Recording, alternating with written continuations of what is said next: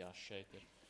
Uh, skatījos no rīta tom, tas skaisti kreklā. Bikses neredzēju, kurps arī ne. un, uh, nu tā, bet kā saka Andris Ērglis, viņš saka, labāks ierodos uz pasākumu un redz, ka es bišķiņas labāk apģērbies nekā sliktāk. Un uh, mans mērķis nebija jūs, jūs uh, runāt ar jums par drēbēm, jo tajā es galīgi, galīgi krieviski vienā vārdā saku, miras bija rājus, bet jūs sapratāt, ja? Tā tad man tā nav tā stiprā puse. Tā kā, um,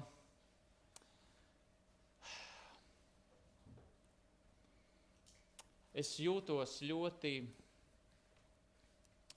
tā bijīgi, jāsaka, pirmkārt Dievu priekšā un jūs priekšā, jo vispār mācīt Dievu vārdu, tā ir ļoti liela atbildība. Skaidrot, uh, pats Dievs runā. Tas arī ir pats galvenais, vai ne? Nu tā, un um, mans um, aicinājums tātad ir um, šajos vakaros apskatīt apakstuļu darbu grāmatu.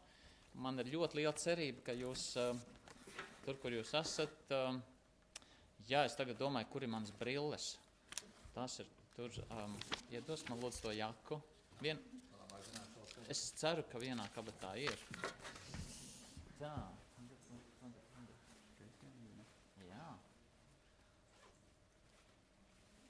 Paldies, jā.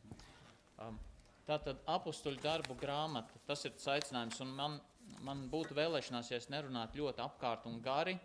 Uh, es nezinu, kur varētu ievēlēt par signalizētāju. Ja es pa daudz runāju blakus, tad uzreiz kāds šitā te rāda, ka jāiet atpakaļ uz ceļa, um, lai es netaisu liekas ekskursus. Bet uh, tā tad es saprotu, ka um, martā jau tika runāts par apakstuļu darbiem, un jūs esat tikuši jau otrajā nodaļā iekšā. Līdz ar to um, pilnīgi un galīgi tūlīt turpināt. Man tā nelikās uzreiz, ka, ka, ka tas būtu ērti man vai jums, un tāpēc es domāju, mm, un vēl viens iemesls nākošajā svētdienā nerunās par apakstu darbiem vai ne.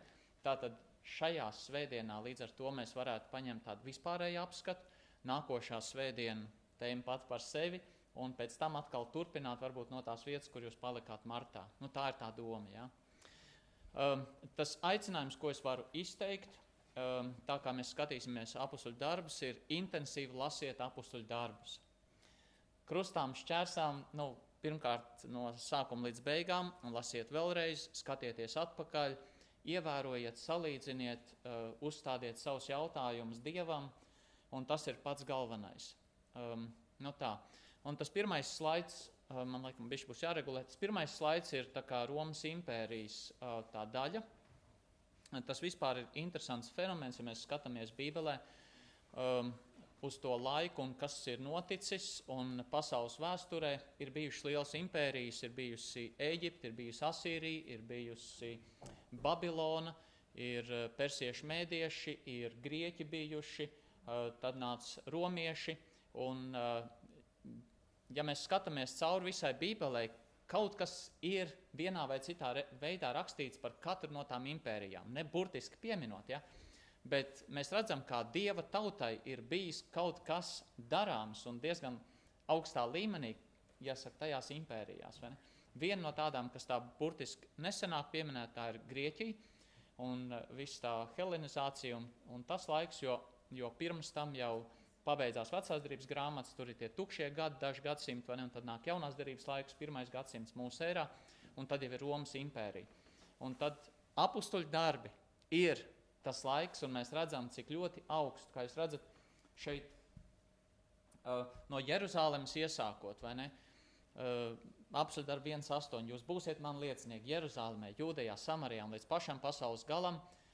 Nu, izskatās, ka apakšu darba grāmatas mērķis ir bijis parādīt pasaules gals, tas nozīmēja tīri simboliski parādīt, ka tā ir tā laika um, nu, pasaules galvaspilsēta, Roma. Uh, ne tāpēc, ka evaņģēlījis jau būtu aizgājis pa visu pasauli, tas turpina iet, bet uz to brīdi, ja tā var teikt, tas noslēdzas Romā, un tas ir tā laika pasaules politiskais centrs. Nu, var dažādi uz, uz um, apakšļu darbiem paskatīties. Un, uh, mūsu nolūks, protams, ir pāri visam skatīties no garīgās puses. Bet, bet ja mēs skatāmies, tad mēs redzam, ka apakšļu darbi ir kā tilts starp evaņģēlījiem, kas ir pirms tam četri evaņģēlīji, kas stāsta par Kristus dzīvi, un viss kulminējās ar, uz Kristus ciešanām un augšām celšanos. Katrs evaņģēlijs, ja mēs skatāmies atkal proporcionāli, vislielāko uzmanību vēl tieši pēdējai nedēļai, vai ne? Pēdējām dažām dienām, un Jāņa evaņģēlijs vispār lielākā daļa, vai ne, taču, uh, nu, lielākā daļa par stipri teikts, bet ļoti daudz pirmkārt ir par Jeruzālēm un vairākiem Jeruzālēmas apmeklējumiem, un tas ir tas, šī ir tā vieta, kur man jāiet atpakaļ. Es atvainojos. Ejam uz apstuļu darbiem. Bet, ko es gribu pateikt, ir, ir kaut kādam turpinājumam. Jēzus ir augšām cēlies. Un, um, un apstuļu darbs savieno to, kas notiek evaņģēlijos, ar to, kas seko ar vēstulēm. Un, uh, un apstuļu darbi rāda, kā veidojas daļa no tām draudzēm, kas ir pēc tam vēstulēs. Tur ir Efeza, tā pilsētas ir minētas. Te nav. Ah, ir dažs, vai ne? Uh, piemēram, Efeza uh, vai, vai Korinta vai Filipi. Uh, tur ir parādīts tas konteksts apakšuļu darbos, kā viņas iesākās. Geogrāfiski ļoti plašs reģions ar visu kaut ko vēsturiski. Uh, aptuveni 30 gadi. Uh, tā ir kā tilts, kas patiesībā savieno tā laika kristiešus ar mums. Un mums ir svarīgi, ka mēs ieraugam, ka mēs esam ļoti dabīgs turpinājums viņiem. Tieši tāpat kā mēs skatāmies uz saviem vecākiem, saviem vecākiem, ka mēs esam ļoti cieši ar viņiem saistīti. Tieši tāpat ar viņiem. Un ja mēs tā tīri lineāri iztēlotos, ne, ka tur stāv uh, nu, rindā, vai ne, tur ir Pāvils, tur ir uh, apstuļi, tur ir tie, tur starp vēl tur Mārtiņš Luters kaut kur kādos gadsimtos un Veselīs un vēl veseli kaut kāds cilvēks.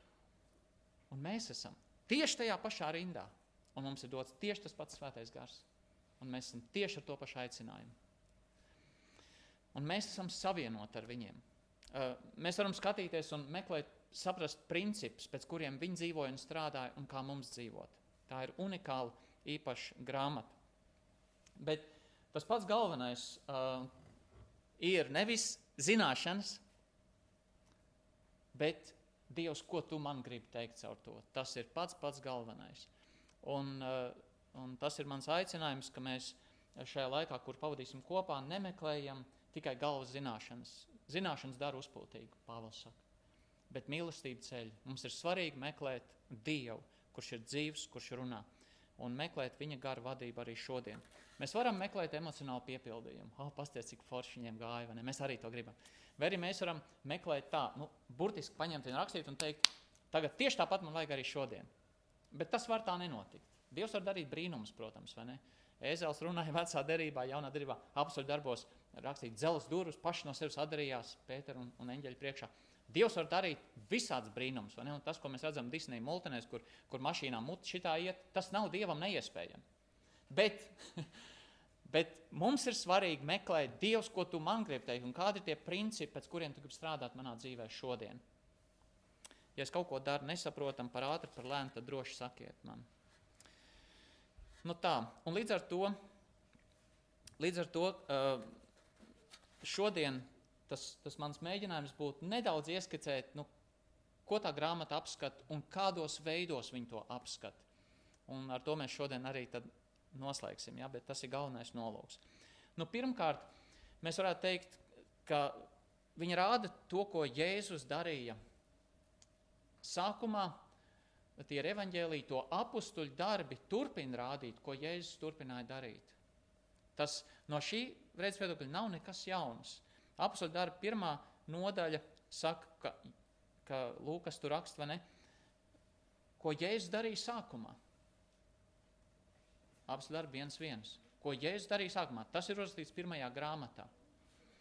Un uh, pētnieki lēš, tajā laikā nebija tāds grāmatas kā tagad, vai ne? Tas tikai radās eh, dažus gadsimtus vēlāk. Eh, pirmais vārds uz to attiecās tas saucamais latīņu vārds kodeks.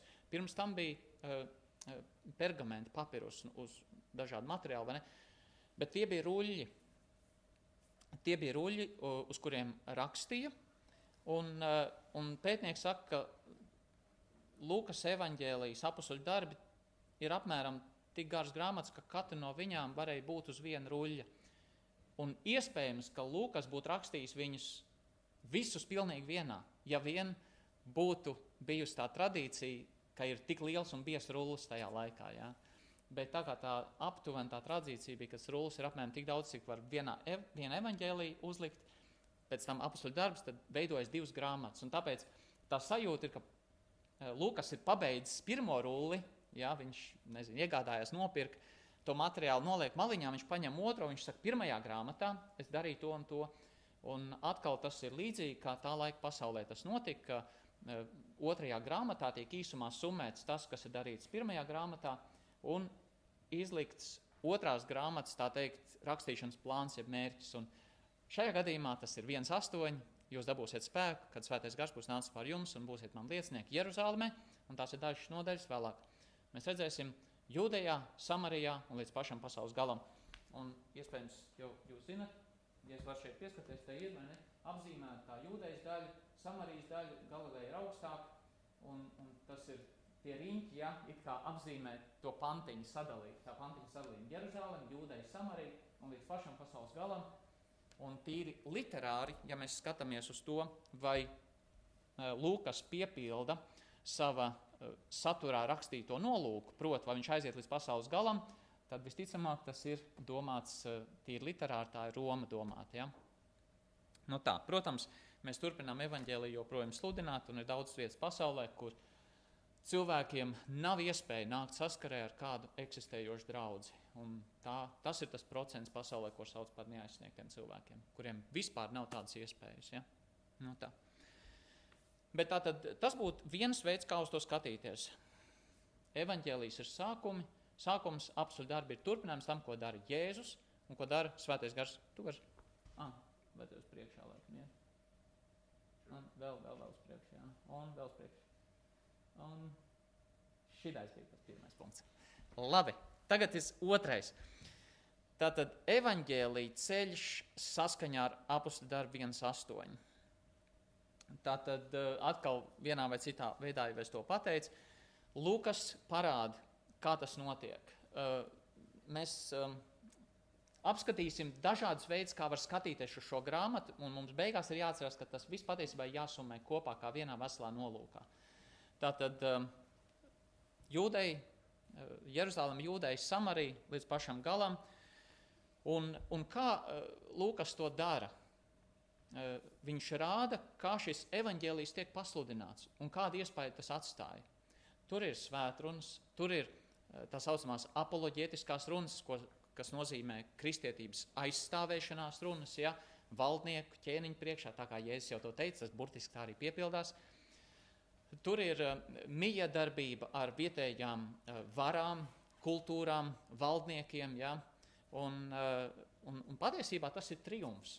Ja mēs skatāmies uz uz atsevišķiem momentiem, ne, nu, piemēram, 13. nodaļa, Kipra, un tur ir patiesībā Kipras pārvaldnieks, ja? un Kipra tajā laikā bija viena no Romas impērijas provincēm, kas būtu, kā šodien mēs teiktu, viena no Eiropas Savienības dalību valstīm. Un Pāvils pasludina evaņģēlīju vienai no Eiropas Savienības dalībvalstu prezidentiem. Un visticamāk, tur ir svīta klāt, kas to dzirdēja. Un, un tā kā Filipiešiem viņš vēlāk saka, ka visā vissardzē ir zināms evaņģēlijs tagad, tas ir Romā viņš atrodas. Ja? Uh, un, tā, tas ir kaut kas, um, kaut kas īpašs, kas tiek iezīmēts kā evaņģēlijs trāpa ļoti, ļoti īpašiem atslēgas cilvēkiem. Un interesanti ir arī tas, kā šis evaņģēlijs beidzās. Man liekas, ka tur tas, tie divi panti varētu būt, vai ne? Apustuļu darbi.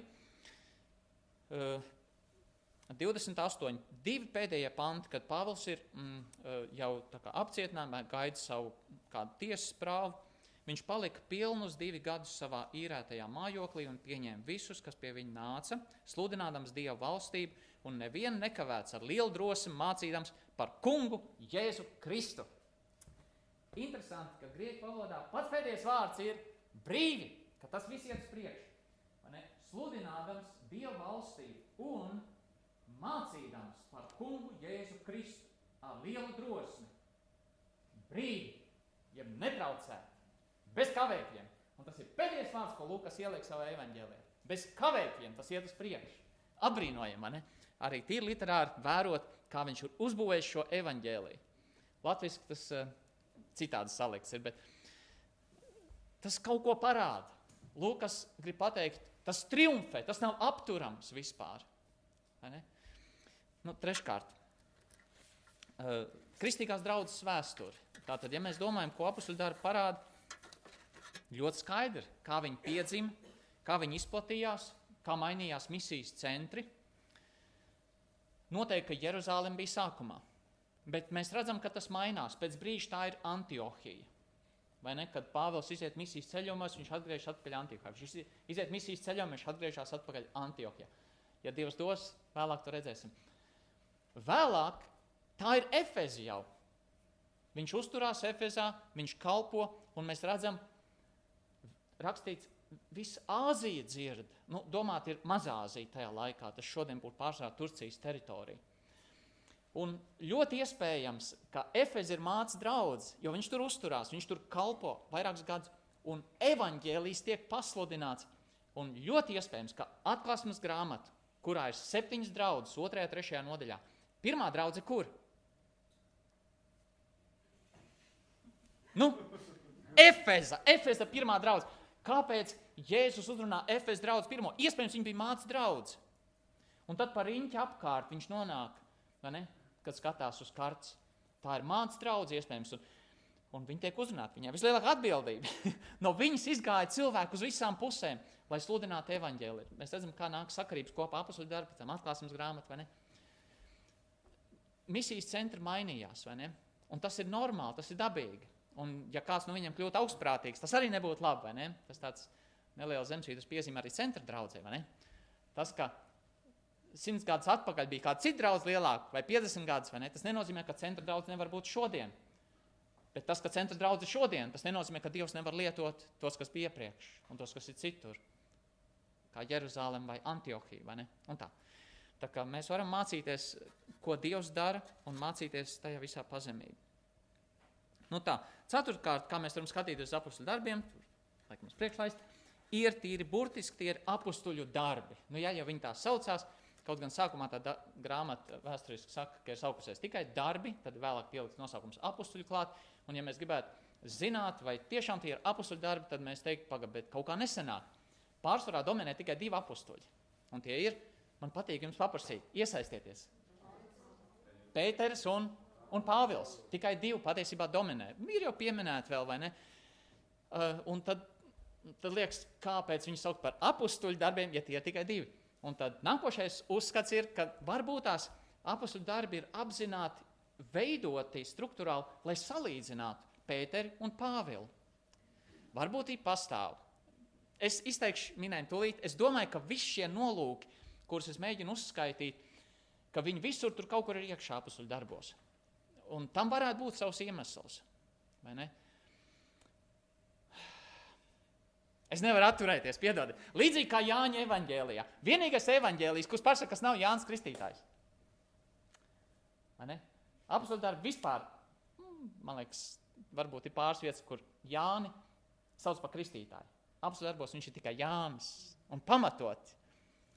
Jo Jānis savas kalpošanas laikā tik ļoti aktīvi kalpoja, ka ka bija tik liels iespējas. Visi jūdeji, visi, mēs nezinām, cik tūkstoši, desmit tūkstoši tika kristīti ar viņu kristību. Viņi iziet pa visu Romas impēriju, apsūdzēt 19. nodaļu. Pāvils nonāk Efezā, daudz kāds vēlāk. Tur joprojām ir Jāņa kristītāji, kristīti cilvēki.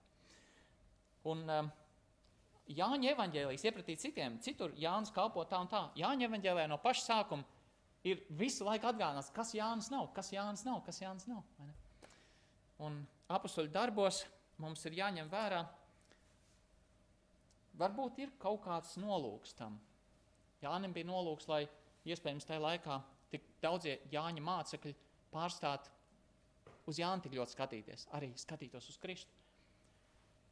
Un mēs redzam, ka ne visur Pāvils tik ļoti tik pieņemts. Un apakstuļu darbi palīdz šai ziņā tiem, kas saņēma šo grāmatu un to lasīja, redzēt, ka patiesībā tieši tāpat kā Dievs lietoja Pēteri, Dievs lietoja Pāvilu. Pēters dziedina kādu cilvēku, protams, Kristus vārdā, nu tā uzrakstīts, vairāk jau bija gadījumi. Pāvils to dara. Pēters uzmodina tabitu no mirušiem. Pāvils ne, Troādā paceļ kādu aizmigušo puisi, kas izkrita pa logu, tāpēc, ka viņš gar runāja. Tas tāds atgādinājums man arī. Tur neviens nesēž. Um, un, un, un Pēters sludina, un Pāvils sludina, un, un Pēterim ir grūtības, un Pāvilam ir grūtības, un Pētera apcietina, un Pāvila apcietina, un tās paralēlas ir. Un tikai starp viņiem diviem, vai ne? Un iespējams tas ir, lai palīdzētu palīdzētu attaisnot, palīdzētu draudzēm redzēt, Pāvils ir īsts. Tas nekas, ka viņš neredzēja Kristu dzīves laikā, viņam Kristus īpaši atklājās.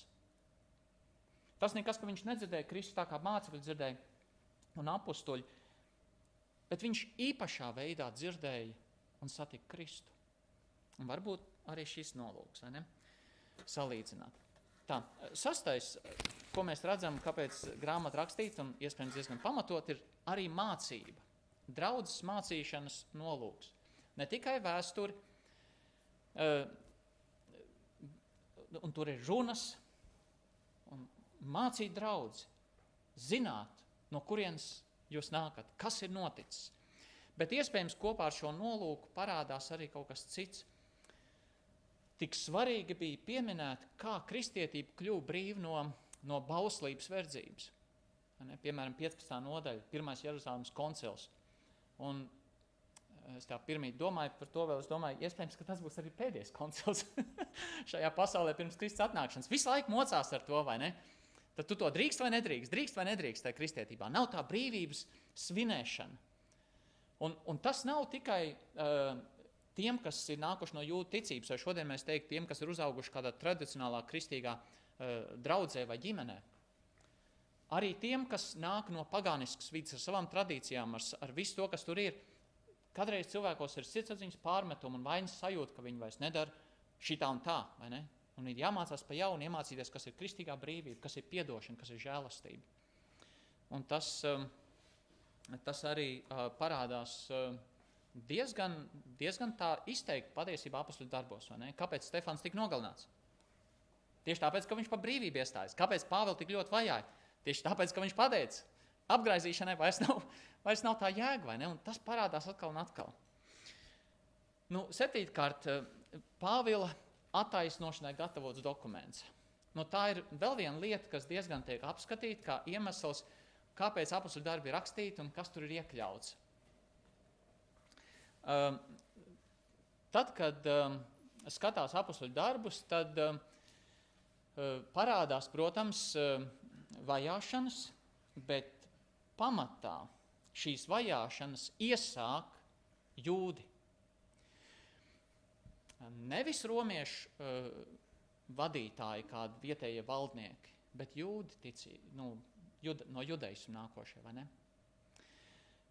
Kas jautājums, kāpēc tas tiek parādīts? Un, un Pāvils vēl nav notiesāts. Tas ir tas, ar ko beidzās šī grāmata tā varbūtība ir, ka apakstoļu darbi apzināti parāda, ka kristietība nav drauds Romas impērijai. Romas impērijā uh, bija legālās reliģijas, un Romas valdnieki bija uzmanīgi pret jaunām kustībām. Un tādas kustības parādījās. Tādas kustības parādījās ap pirmo gadsimtu, jau pirms tam bija mistērija kulti, un, un, un uh, kristietība tagad ceļās sākotnēji uh, viņu uztvēra kā vienu veselu ar judaismu, un pēc tam jūdi ir tie, kuri apzināti norobežojas no kristiešiem, uh, vai ne, uh, pēc, um, pēc Jeruzalemes izpostīšanas 70. gadā. Bet, uh, bet sākumā kristietība attīstās ļoti izteikti judaismu paspārnē, vai ne? Visu sludināšana arī sākumā caur, caur sinagogām notiek. Un jūdi ir tie, kur saceļās pret kristiešiem. Un viņi ir tie, kur ierauj iekšā citautieši, saucamie pagāni. Man ir Bībelē viņus tā sauc. Un, eh, ja Pāvilam stāv priekšā tiesa, un varbūt Teofils ir kāds, kuram kaut kāda teikšana, ja iespēja šo dokumentu tur aiznest un parādīt, skatieties. Tā skaitā Lūkas evanģēlijā, Pilārs 23. nodaļā, trīs reizes saka par Jēzu: Es neredzu viņā nevienu vainu. Un otrajā grāmatā visa grāmata ir par to, ka uh, romiešu vietējās valdības kristietībā vainu nesaskata. Nu, skaidrs, ka tas kaut kā varētu noderēt arī Pāvilam, ja viņam stāv priekšā tiesa, vai ne? Un, protams, kas ir teofils, vispār jau ir grūti tā pateikt. Uh, nu, mēs saprotam, ka viņš nav bijis ticīgs cilvēks. Uh, Lūkas tur varētu būt uh, slaids par Lūkas uh, pirmo nodaļu. Lūkas saka tā, kad jau daudz sākuši aprakstīt lietas, kas notikušas mūsu starpā, kā tās mums atstāstījuši pirmie aculiecinieki un dievu vārdu kalpi, tad arī es visam no sākuma izsakojos, nolēmu tev cienījumu teofilu to pēc kārtas uzrakstīt lai tu pārliecinātos par tās mācības patiesību, kas tev darīta zināma. Nu, eh, tas veids, kā viņš tiek uzrunāts, eh, pētnieks saka, tas bija tā uzrunāja ļoti, ļoti godājums personas. Grieķu valodā skatās tā, oh, Teofils, tāds, tāds kaut kas īpašs. Um, viņš atskatās uz pirmo grāmatu, kaut ko tas ir absolūti darba sākumā, jo viņš atskatās uz pirmo, tad iet uz otro. Mēs varam cerēt, ka Teofils kļūst par kristieti, bet jebkurā gadījumā tā liekas, ka viņam ir svarīgi bijis Lūkas acīs, varbūt vēl kādā acīs, tikt pārliecinātam par to, kas tā ir par mācību, kas ir šī kristietība. Un, kā jau teicu, grāmata beidzās ar to, ka Pāvils vēl nav notiesāts. Varbūt, ka tur ir kāda sakarība. Nu, tā. Um, tā kā cilvēki ir dažādi, tad uh, dažādos veidos varbūt vajag arī uh, to materiālu apskatīt. Nu, šis ir vēl viens veids, kā uz to materiālu paskatīties. Bet vēl viens veids, kā paskatīties, un tas kādiem citiem no jums noderēs, ir tāda neliela plāna varbūt tās. Un šeit uh, būs divi slaidi sadalīts. Šeit ir līdz 12. nodaļai tāds vienkāršs sadalījums. Tātad pirmā nodaļa rāda, ka Jēzus 40 dienas uh, vēl ir kopā ar mācekļiem, ja precīzāk sakot, cauri 40 dienām. Skaidrs, ka viņš visas 40 dienas nebija kopā ar mācekļiem. Ne? Tas pats Jāņa evanģēlijas mums saka, viņš augšām ceļš parāda mācekļiem, tad ir vesels septiņas dienas. Mācekļi viņu neredz, un astotie dienā viņš nāk atkal, un tur jau ir uh, Toms, vai ne? Un viņš atklāja sevi Tomam, un, un, eh, un tad cauri tām dienām viņš atkal un atkal parādās dzīves, vai ne? Un, eh, un tad ir eh, gatavošanās vasaras svētkiem, man vēl tur ir viena apustuļu izraudzīšana jūdas vietā. Otrā nodaļa ir draudz dzimšana, trešā nodaļa līdz sastās nodaļas septītajam pantam tiek rādīta draudz dzīve, augšana Jeruzalemē, tur arī pirmie tādi spaidi zinām, uh, bet ne vajāšanas. Um, tad vajāšanas sāks vairāk ar sastāvs no līdz 8. pantu, kur ir vēršanās pret Stefanu. Uh, Stefanos, ja no grieķu valodas pats vārds nozīmē kronis. Man ir milzīgs tāds pagodinājums cilvēkam būt nosauktam tādā vārdā un tādā veidā iet debesīs ar ticību Kristum. Un astotā nodaļa pats sākums saka, Tanī dienā izcēlās vajāšanas, un tas ir viss kopā jāskata no, no 7. nodaļa iekšā. Ne, un tā. un uh, no 8. nodaļas 4. panta, tātad pf, viņi tiek burtiski izspridzināti ārā no Jeruzālēmas draudz, un uh, evaņģēlīja izplatība tiek parādīta tālāk Samarijā, citu tautu vidū, līdz pat no 11. nodaļas beigām. 12. nodaļa Jēkaba nāve, Jāņa brāļa nāve, tātad um, tas ir apustulis, un tad, kad mēs vēlāk turpat 12. nodaļā Pēters tiek izglābts, un viņš saka, ka to vajag pateikt Jēkabam, man liekas, viņš saka brāļiem. Ja. Tikko viens Jēkabs nogalināts, kas ir tas Jēkabs, kurš ir tik ievērojams, kuram būtu jāpasaka, ka viņš ir brīvs. Un 15. nodaļa tālāk atkal ir Jēkabs, ja, Jeruzalemes koncils, liels vīrs. Un tad ir jākap vēstule, un pētnieki domā, ka tas ir um, Jēzus brālis Jēkabs. Nu tā. Tātad tas viens, kas tiek nogalināts, ir apustulis. Tā. Tad nākošais slaids par uh, atlikušo uh, grāmatas uh, daļu, vai ne? ir Pāvila pirmais misijas ceļojums, koncils Jeruzalemē, tad ir otrais ceļojums, trešais misijas ceļojums. Un tad, ja viņš tiek apcietināts Jeruzalemē, un tas laiks Jeruzalemē, tad Cezarejā un ceļš uz Romu un Romā. Nu tā. Uh, varbūt kādiem patīk šādas lietas, nav slikti iegaumēt šo saturu. Uh, nav slikti visai Bībelē šādā veidā drusku iegaumēt saturu, vai ne drusku tā pa nodaļām. Tas, tas tā palīdz labāk orientēties. Bet nu, tas ir tāds, tā liela apņemšanās. Tā, un tad vēl pēdējais, ko es šodien gribu, tad dažus atgādinājumus, tā varbūt arī tīri praktiskā veidā, uh, atgriežoties pie apakšuļu darbiem. Ja Dievs dos, uh, tad runāsim par to atkal detaļās. Ko mēs varam paņemt šodien līdzi? Pirmkārt, darbam, kurā Dievs tevi šodien ir aicinājis, kā Kristus liecinieks, ir vēsture. Tas nozīmē mācies. mācies. Tā ir visas kristietības vēsture. Visur, kur ir gājusi kristietība, visur ir mācība bijusi. Tur, kur ir gājusi kristietība, tur ir bijusi izglītība. Kur ir gājusi kristietība, tur cilvēki ir no nemācītiem kļuvuši par mācītiem. Un tad, kad Jēzus gāja debesīs, atcerieties, ko viņš teica. Man ir dota visa vārda debesīs un virs zemes, tāpēc eita un dariet par mācekļiem visas tautas, tās kristīdami un mācīdami. Un apakšuļu darbi 2,42, un tie pastāvēja, ja to vārdu tulko cieši turējās pie, tie pastāvēja apakšuļu mācībā. Mācība. Ir svarīgi mācīties. Ir svarīgi sev iegremdēt Dieva vārdā. Un problēma kādreiz, cilvēki kādreiz pat daudz mācās, un tad viņi saka, apsaukā, es domāju, kristiešus. un, un saka, jā, ko tu tur tikai to paļaujas uz svētā gara vadību, gan jau būs. Bet atcerēsimies, ka tas ir vārds, kas nāk no svētā gara. Svētais gars nekad nerunās šodien pretēji tam, ko viņš teica vakar. Mācīsimies to vārdu, ko viņš teica vakar, lai mēs saprastu viņa vadību šodien. Tieši tas palīdz saprast viņa vadību šodien. Un tāpēc mums ir jāmācās tas, kas ir rakstīts arī apakstu darbos. Otrakārt, Lukasam uzmanības centrā bija Jēzus. Viņš saka, pirmajā grāmatā Teofila esmu stāstījis par visu, ko Jēzus darījis un mācījis. Un skaidrs, ka otrajā grāmatā viņš nestāsta vienkārši par apstuļiem. Viņš stāsta, ko Jēzus turpina darīt caur savu svēto garu. Atcerieties, ko Jēzus teica par svēto garu. Tas ir cits aizstāvs, tā ir cita persona, bet tā ir persona. Tieši tāda pat kā Jēzus Kristus. Tas nav vienkārši nenosakāms spēks, tā ir persona kas mūsos iemājo, kas ir iemājojis, kas mūs vada.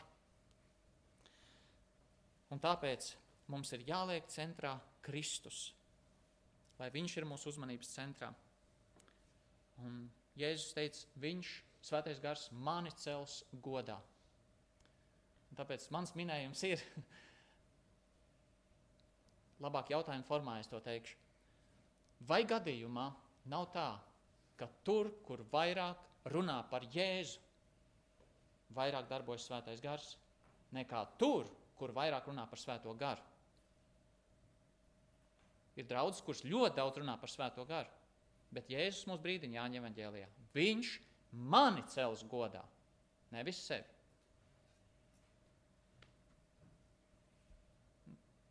Zemesvītras piezīme. ja? Jēzus ir jāliek centrā. Tad mēs zināsim, ka gars mūs vada. Tas ir tas, ko gars dara. Tā, treškārt, tieši tāpat kā savus apstākļus un mācekļus Jēzus sagatavoja misijā sludināt par viņu pasaulē, tieši tāpat vienmēr viņš sagatavos un turpinoši piepildīs arī mūs ar savu svēto garu. Un tāpēc mums ir jāmeklē viņa gara piepildījums. Un tas, kā tas notiek, pati Bībele to rāda, eh, tas būtu vairāk, eh, piemēram, vēstule galtiešiem trešā nodaļa. Um, Efeziešiem tas notiek um, caur Dievu vārdu. Divas raksturvietas no vecās derības, 130. psalms. Es gaidu uz to kungu, mana dvēsele gaida, es paļaujos uz viņa vārdu. Man dvēseli gaida uz to kungu vairāk nekā naktas sargi uz rīta ausmu. Jā, tiešām vairāk nekā nakts sargi uz rīta ausmu. Tas tāds pārbaudas jautājums, vai es gaidu to brīdi, kad es varēšu lasīt Dieva vārdu, kad Dievs runās uz mani. Par Jēsaju mēs lasām, viņš atzīst, ka Dievs viņu katru dienu modināja. Jēsais 50. nodaļa, 4. 5. pants. Dievs tas kungs man ir devis gudru mēlu, ka es ar savu uzrunu protu stiprināt nogurušos. Viņš uzmodina mani ik rītu. Viņš ierosina manas ausis, lai es uzmanīgi klausītos kā māceklis. Tas kungs atvēra man ausis, un es neatteicos un neatkāpos. Tas kungs to darīja. Un kādreiz liekas, ir nogurdinoši, vai ne, lasīt kādas bībeles daļas, piemēram, trešo mūzes grāmatu, vai ne, visi tie likumi tur sarežģīti, kas ko darīt, ko ēst, ko nēst. Bet Dievs runā, es pats esmu piedzīvojis, kā Dievs runā arī caur tādu grāmatu. Vai arī 119. psalms, pats garākais psalms. Man viņš kļūst ar vien mīļāks un mīļāks. Pirmkārt, tur fonā ir ciešanas un mīlestība uz Dieva vārdu, uz Dievu. Un Dievs runā. Apustuļu darbi rāda, ka Jēzus sekotāji atkal un atkal tika piepildīti ar svēto garu. Pirmā reize, protams, ir otrā nodaļa, ceturtais pants, nāk svētais gars, bet mēs turpinoši lasām, ka tas notiek. Apustuļu darbi, ceturtā nodaļa, astotais pants, 31. pants, 13. nodaļa, 9. pants. Ja? Atkal un atkal viņi tiek piepildīti ar svēto. Es nerunāju par gadījumiem, kur citi nāk pie Kristus. Es runāju par, par tiem, kas jau ir kristieši. Mums visu laiku ir vajadzīgs tas, ka gars mūs pārņem ka mēs tiekam piepildīti, iestiprināti, ielīgsmoti. Un eh, Efeziešiem 5.18 saka, un neapreibieties ar vīnu, no kā ceļus izlaidīgi dzīvi, bet topiet gara pilni. Un šeit topiet gara pilni, topiet pilni, tas vārds ir prezentā tagadnes laikā, kas grieķu valodā nozīmē turpinoši. Turpinoši tieciet piepildīt ar svēto garu visu laiku atkal un atkal. Un, ja, kāds, ja kāds saka, kur Bībele māca atturību, šis ir tas pants, kas māca atturību. Ir divi varianti. Vai nu, vai nu alkoholiskais dzēriens ietekmē tevi, vai gars ietekmē tevi. Vai nu, vai nu. Mēs jau varam teikt, nu, nu tikai drusciņi, tas jau nekas. Bet arī drusciņi atstāja ietekmi, tāpēc jau tu gribi drusciņi. Vai ne? Labi, es neiešu detaļās par šito. Man vienkārši negaršo, man ir viegli par to runāt. es saprotu, ka visiem tā nav. Mans vecētiņš bija nodzēries, starp citu, savā laikā. Un uh, Dievs viņu atpestīja, izglāba. Viņam bija, nezinu, plus mīnus 26. Un tad, kad viņš, Dievs viņu izglāba, tad viņš bija tik līksms, tā kā Palaikdamies gāja, kad, kad viņa draugi jau domāja, ka nu jau ir tik tālu nodzēris, ka jau viss sajūtas prātā. Jāved uz liepājas sūnu ielu toreiz. Bet Dievs viņu izglāba. Un uh, man ir aizdoms, ka viņš ļoti sirsnīgi lūdz Dievu par mani. man tiešām, nē.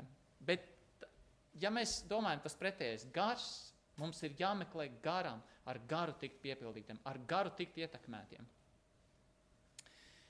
Un visbeidzot, ceturtā, ceturtā lieta šodien praktiski paņemt līdzi darbam, kurā Dievs mūs ir aicinājis un kuram Viņš mūs gatavo, Viņš iedod pamatojumu. Viņš iedod pamatojumu. Nepārprotam, apstuļu darbu grāmatas tēma, un, ja tā var teikt, galvenais pāns ir 1,8. Bet jūs dabūsiet spēku, kad svētais gars būs nācis pār jums un būsiet man liecinieki, kā Jeruzalemē, tā visā Jūdejā un Samarijā un līdz pašam pasaules galam. Nepārprotam, bet uh, mums ir jāņem vērā tas, kā tika rakstīti oriģināli teksti. Pirmkārt, viņi tika rakstīti tikai lieliem burtiem, otrkārt, viņi vispār vārdi netika atdalīti savā starpā. Viņi visi burtiņi bija. Burtiņi bija. Tad iedomājieties tekstu, kur ir burts pie burta, lielie burti, vārdi atdalīti nav, nerunājot maz par, par indkopām. Un tāds izskatās teksts. Un kurā vietā tā doma beidzās, vai ne? Es jau paņēmu grieķu valodas eh, tekstu, pārdrukāts, iedrukāts, viss, nu, tā šodien es ar, ar visām atstarpēm. Visu. Tur ir nodalīts kā atsevišķi tomēr no 9. līdz 11. pantam. Es to iepriekš teicu, domāju, vienu rīņu, bet nē. Bet, nu, man tomēr iepatikās, ka tur ir ļoti loģiski vārdi turpinājumā. Paskatieties tālāk no 9 līdz 11, kas ir rakstīts. To sacījis. Viņš tiem redzot, tika pacelts. To sacījis. Ko sacījis? To, kas ir tikko iepriekšējā pantā pateikts. Tātad man šķiet, ka būtu labi arī paturpināt, palasīt, lai redzētu, kur tā doma beidzās. To sacījis viņš tiem redzot, tika pacelts, un padebes viņu uzņēma prom no viņu acīm. Kad tie viņam aizejot, cieši skatījās uz debesīm, lūk, pie tiem stāvēja divi vīri baltās drēbēs. Tie sacīja, galilieši, ko jūs stāvat skatīdamies uz debesīm? Šis Jēzus, kas uzņemts prom no jums debesīs, tāpat nāks, kā jūs viņu esat redzējuši debesīs aizejam. Jautājums. Kāpēc mums ir vajadzīgs svētais gars, lai mēs būtu liecinieki? Kāpēc mums ir vajadzīgs gars liecināšanai? Kāpēc? Es zinu, ka parasti atbildi ir, mums vajadzīgs gars, lai liecinātu.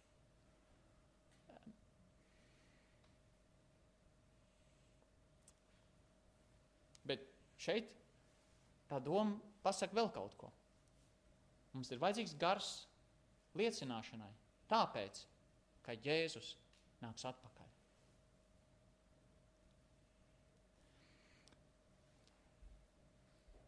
Es negribu izklausīties nosodoši, bet kādreiz ir sajūta, ka cilvēku grib garu, lai viņi būtu stipri. Un, uh, un uh, es mēģinu klausīties, kādreiz, ko cilvēku lūdz, man kādreiz ir aizdomīgi, ka cilvēks saka, Dievs dod man, dari mani labāku, palīdz, ka es vairāk varētu mīlēt, dari man stipru, ka es nekrītu kārdināšanās dari man pacietīgu. Izklausās ļoti labs lūkšanas, vai ne? Dari mani! Mani! Ne? Es zinu, ka parasti jūs tā nedomājat. Jūs jau visā pazemībā lūdzat, es tā domāju. Bet, bet es sev pieķēru, es gan laikam nē. Un tad es saprotu labāk, es gribu atstāt sev tajā pozīcijā, ko Pāvils saka galtiešiem 2.20. Bet cik es tagad dzīvoju? Kristus dzīvo manī. Līdz ar Kristus esmu krustā sists. Bet nu nedzīvoju es, bet manī dzīvo Kristus. Bet cik es tagad dzīvoju miesā? Es dzīvoju ticībā. Es dzīvoju ticībā. Man nav pacietības. Man nav mīlestības. Man nav nekā. Tikko tas kļūst mans, tā es kļūstu augstprātīgs. Tā es varbūt aizmirstu, ka man vajag Dievu.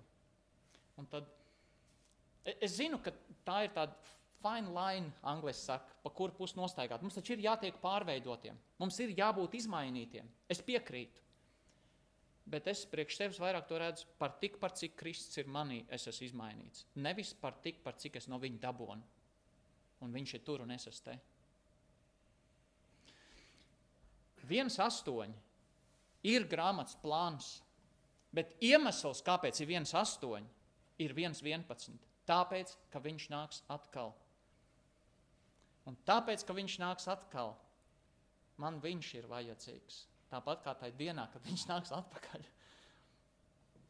Um, es nezinu, vai jūs sapratāt, mēģinājis kaut ko pateikt, bet nu, to man noslēgumu par Jēzu vai ne. Es, es, es gribu un es lūdzu, kungs, lūdzu, esi Es pacietīgs manā vietā, ja tā var teikt, kā Džonija Eriksona tādi ir dzirdēšanai. Kungs iedod man savu smaidu. Viņai kādā video var redzēt, ko viņa saka, vai ne?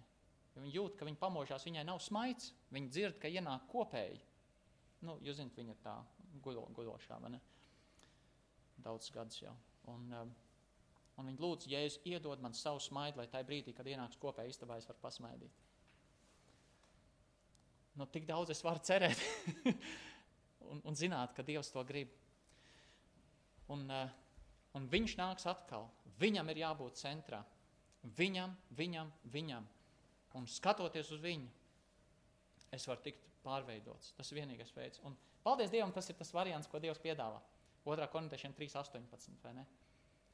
Kunga godību uzlūkodam, mēs topam pārvērsti no, god, no spožuma uz spožumu.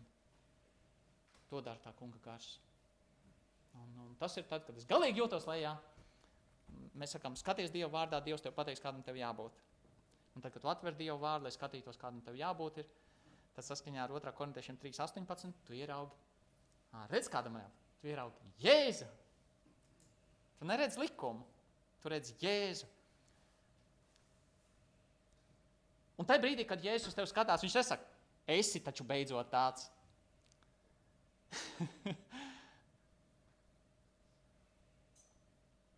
Tā ir žēlastība. Es redzu, kā spogulī tur rakstīts. Tas vārds tulkojams. Ne?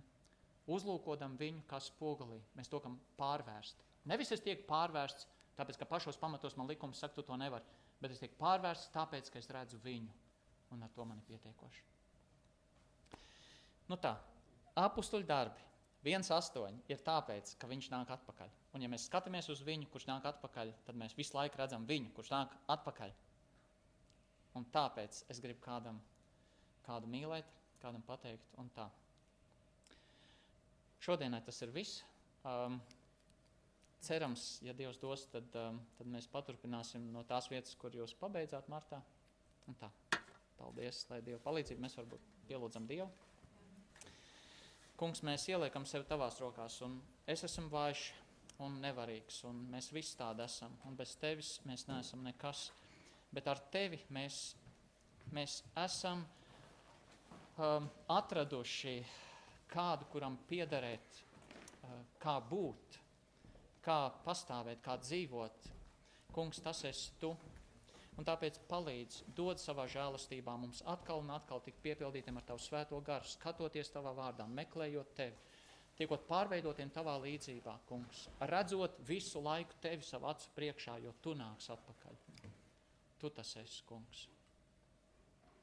Kungs svētī mūs un palīdz, ka mēs gremdētos vienmēr tavā vārdā, ka mēs to mīlētu, ka mēs mīlētu tevi un ka mēs tavu vārdu slavētu vienmēr, iekš visu un par visu. Āmen.